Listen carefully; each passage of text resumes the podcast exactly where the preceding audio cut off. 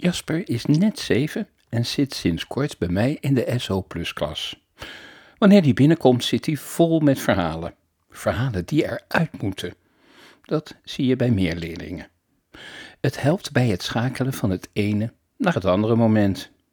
Bij Jasper zijn de verhalen echter oneindig.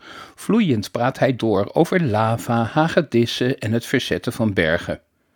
Hij heeft het ook telkens over DNA en hij is in staat om mij naar de maan te schieten. Hoe goed kun je dan mikken, Jasper? Want ik kan er ook langs vliegen, hè? Nee hoor, je krijgt een hagedissenklauw mee om je vast te grijpen. Gelukkig. Zo gaat dit een paar minuten door en opeens zegt hij: Ik vertel mijn gedachten wel vaker aan mensen, maar ze geloven me dan niet. Ik kan niet anders dan jou geloven, het zijn immers jouw eigen gedachten. Hij is even stil verandert zijn houding en ontspant zich. Wanneer hij weer verder praat en zegt dat hij mijn gedachten kan lezen, is dat voor mij een prima bruggetje om het leren lezenboekje erbij te pakken. Laten we hier maar mee verder gaan, dan kan je ook mijn woorden herkennen. Het lukt hem warempel om enkele minuten zelfstandig aan het werk te zijn. Nog even, en we kunnen lezen en schrijven met elkaar.